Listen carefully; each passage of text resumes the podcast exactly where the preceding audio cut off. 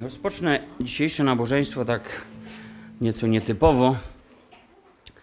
Nietypowym będzie fragment, bo zaczniemy typowo od Słowa Bożego. Otwórzmy drugi list Piotra, trzeci rozdział, od ósmego do osiemnastego wersetu.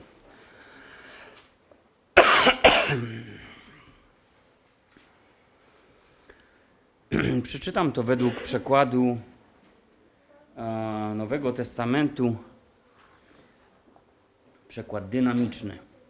Troszkę będzie inaczej brzmiało, ale może uwypukli te najważniejsze miejsca jeszcze bardziej. Umiłowani, niech nie ujdzie waszej uwadze fakt, że Pan jest wieczny i On podchodzi do czasu inaczej niż my. On może jeden dzień rozciągnąć na tysiące lat, lecz ma również moc, by tysiące lat zredukować do jednego dnia. Chodzi mi o to, abyście zrozumieli, iż Pan w swej rachubie czasu wcale się nie spóźnia ze spełnieniem danej obietnicy, chociaż niektórzy tak właśnie interpretują jego pozorne zwlekanie. On po prostu dla waszego dobra jest powściągliwy. Nie jest bowiem jego pragnieniem, by ktokolwiek uległ zgubie, lecz aby wszyscy się opamiętali ku zbawieniu. A kiedy dzień Pana już nastanie, on sam pojawi się tak niespodziewanie, jak czyni to złodziej. W tym dniu niebiosa ze świstem przeminą, żywioły zostaną uwolnione i ziemia wraz z całym stworzeniem ulegnie spaleniu. Skoro zaś wszystko zostanie wówczas poddane tak radykalnemu osądowi, to aby ocaleć, jakże świętymi i godnymi powinniście być w swym postępowaniu oraz wzajemnym przynaglaniu się do trwania w gotowości na dzień Bożego Sądu, podczas którego zawory ziemi zostaną rozwiązane, a wszystkie pierwiastki natury stopią się w ogniu. Wtedy dopiero zgodnie z Jego obietnicą pojawią się tak wyczekiwane przez nas nowe niebiosa i nowa ziemia, w których już na zawsze zamieszka Boża sprawiedliwość. Dlatego umiłowani, czekając na te wydarzenia, trwajmy w pokoju z Bogiem, starając się ze wszystkich sił, byśmy zostali przez Niego znalezieni niesplamieni i nienaganni a cierpliwość naszego Pana postrzegajcie jako zbawienną, o czym nasz brat, umiłowany Paweł, z daną sobie mądrością pisał wam już wielokrotnie. Dobrze on to wyjaśnia we wszystkich swoich listach, w których przedstawia także inne, trudniejsze kwestie, co niedouczeni i nieumocnieni w wierze ludzie wypaczają na własną zgubę. Zresztą to samo czynią z innymi natchnionymi przez Boga pismami. Tak więc najmilsi, wiedząc zawczasu o zagrożeniach, jakie na was czyhają, miejcie się na baczności i nie dajcie się zwodzić fałszywym nauką ludzi występnych, abyście podążając za nimi nie utracili trzeźwego i stabilnego myślenia opartego na słowie Chrystusa. Wzrastajcie w łasce i w osobistym poznaniu Pana naszego i Zbawiciela Jezusa Chrystusa, któremu niech będzie chwała teraz i na wieki. Amen. Czas przyznacie, że szybko płynie.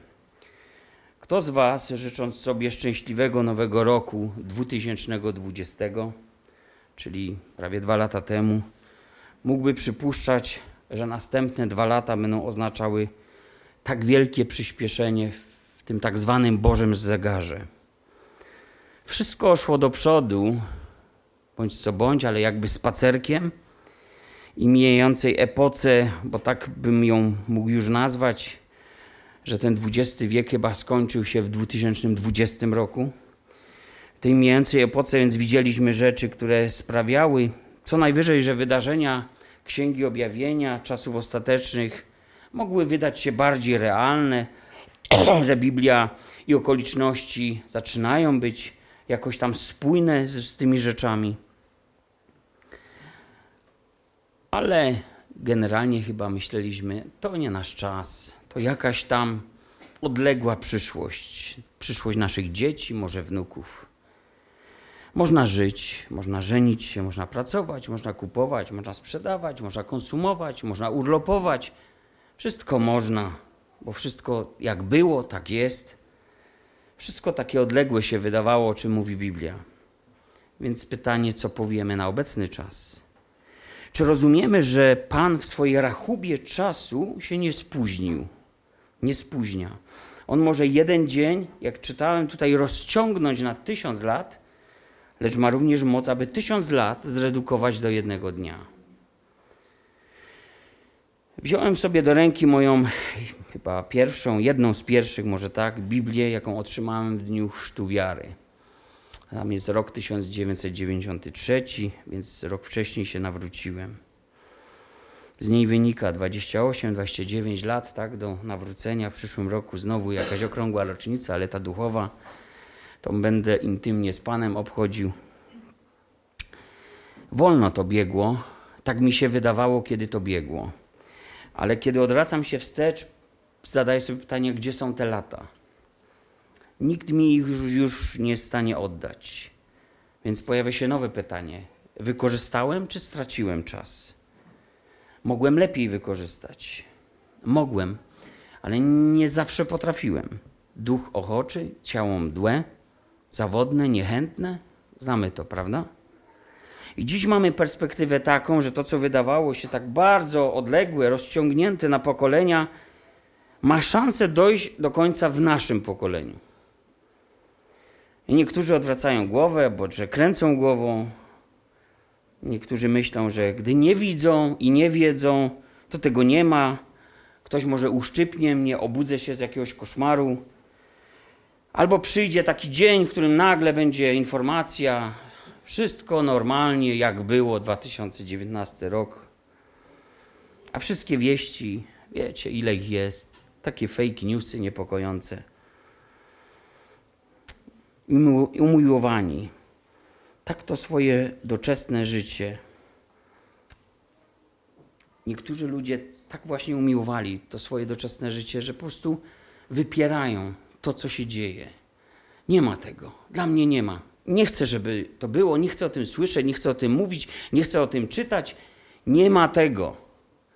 Rano wyprowadzam swoje zwierzątko, potem jem śniadanko, potem idę do pracy, potem wracam z pracy, potem włączam telewizor, potem włączam meczyk, potem coś, potem coś i potem idę spać. Drugi dzień jest taki sam, weekend troszkę inny. Nie ma.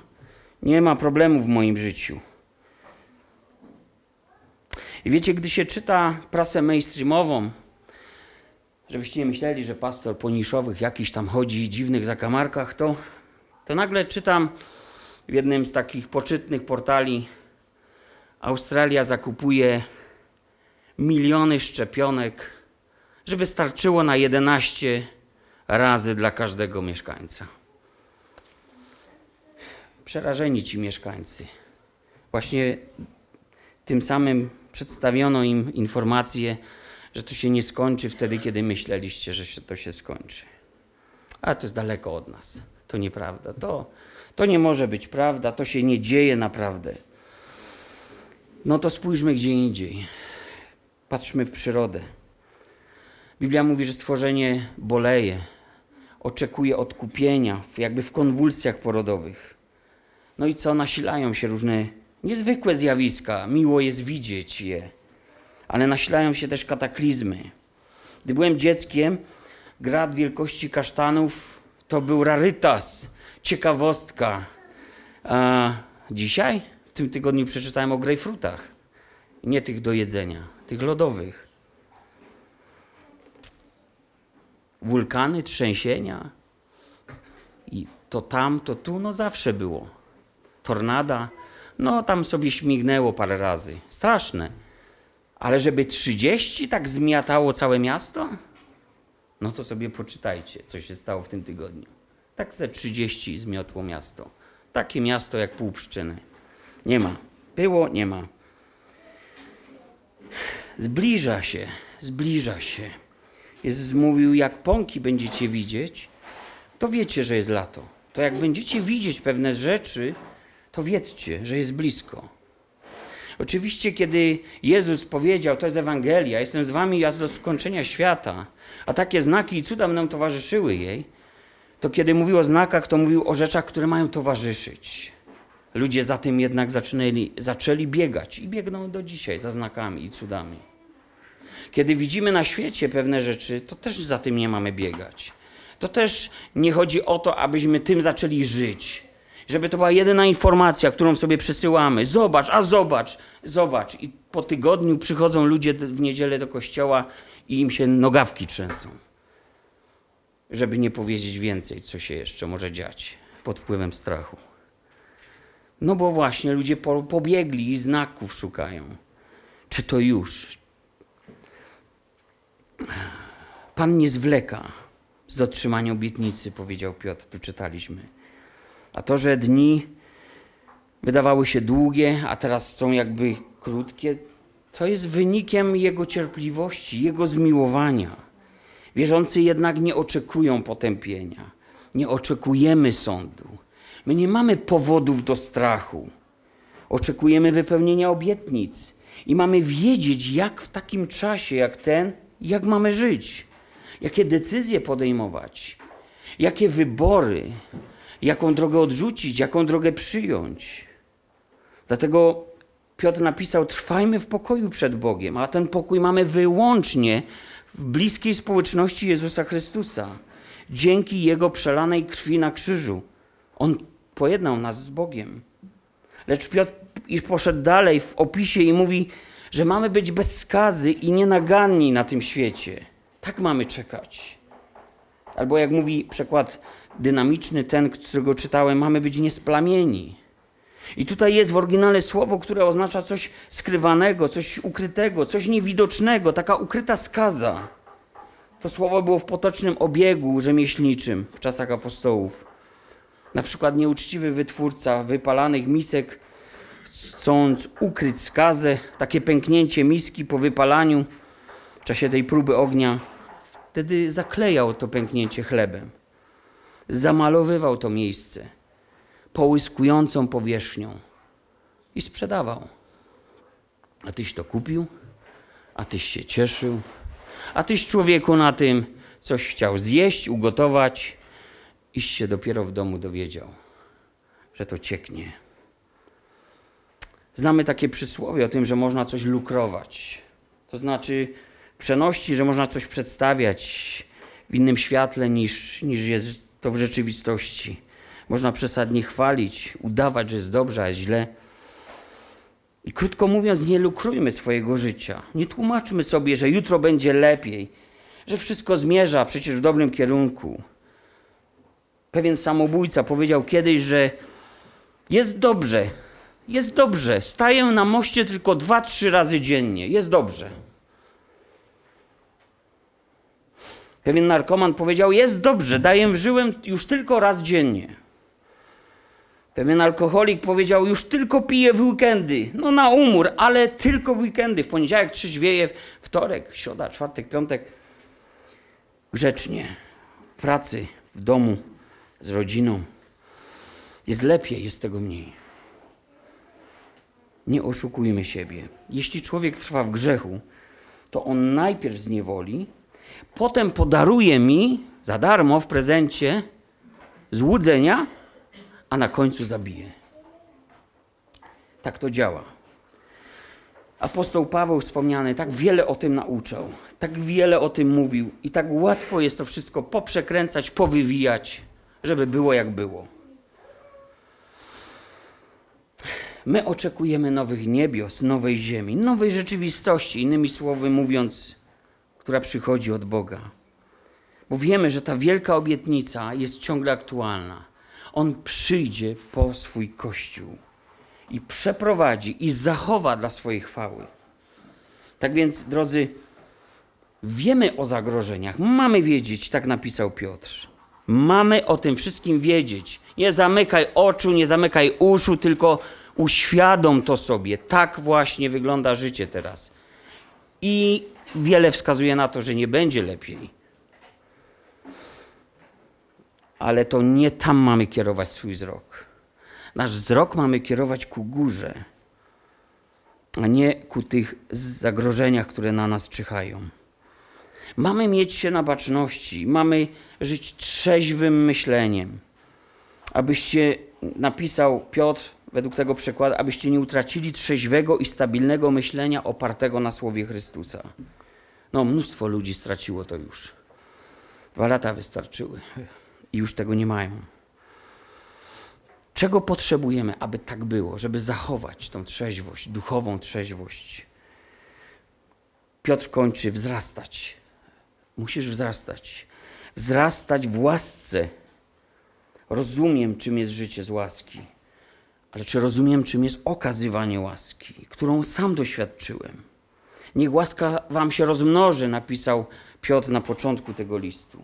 To znaczy co? No, to znaczy to, że nie tylko masz żyć w tym, co zrobił dla ciebie Jezus, tak to przechować, tak to zakonserwować, zamknąć, zakopać i na ostatni dzień otworzyć: Mam, mam łaskę. Masz żyć w tej łasce, ta łaska ci się ma rozmnożyć, masz ją nauczyć się okazywać. To jest tak wiele możliwości, żeby komuś niewdzięcznemu, komuś okrutnemu, komuś złemu okazywać łaskę. No nie zasłużył, nie? Im więcej trudów, cierpienia, ucisków, presji, prześladowań, tym więcej łaski. Takie było życie pierwszych chrześcijan. Z uśmiechem, tak? Oddawali swoje życie na twarzy. A Neron, chodząc po arenie, dziwił się, patrząc na martwe ciała, jak to możliwe, że oni uśmiech mają na twarzy.